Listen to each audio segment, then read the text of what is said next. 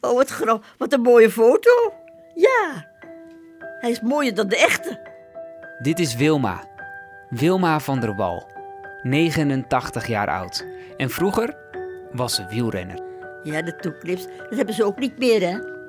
Nee. Toeklips is er helemaal uit. Ja, oh god, nog een toe. En daar moest je mee oppassen, hoor. Wilma was de allereerste Nederlandse die meedeed aan het WK. Terwijl dat eigenlijk niet mocht.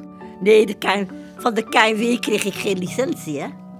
Nee, dat kon niet. Jan Vropenfiets, ben gek, dat deden ze niet aan. Maar Wilma fietste toch.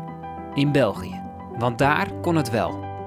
Ja, dat was, dat was, eh, ja, dat was in Nederland natuurlijk heel erg vervelend.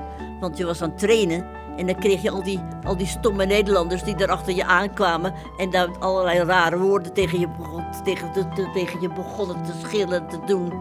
Met pa achter de brommer naar Antwerpen. Om te koersen. Ze waren in de familie, waren ze wel trots. Ja, ja, ze waren wel trots op me. Dat het allemaal gebeurde. Dat, eh, ja, gelukkig wel. Ja, ja. Dit is Wilma. 59, 313 meter. Hoe komt u eraan? Een podcast over het ongelofelijke leven van Wilma van der Wal. Oh god, dan wacht er nog een toe. Een vergeten pionier in de Nederlandse wielergeschiedenis.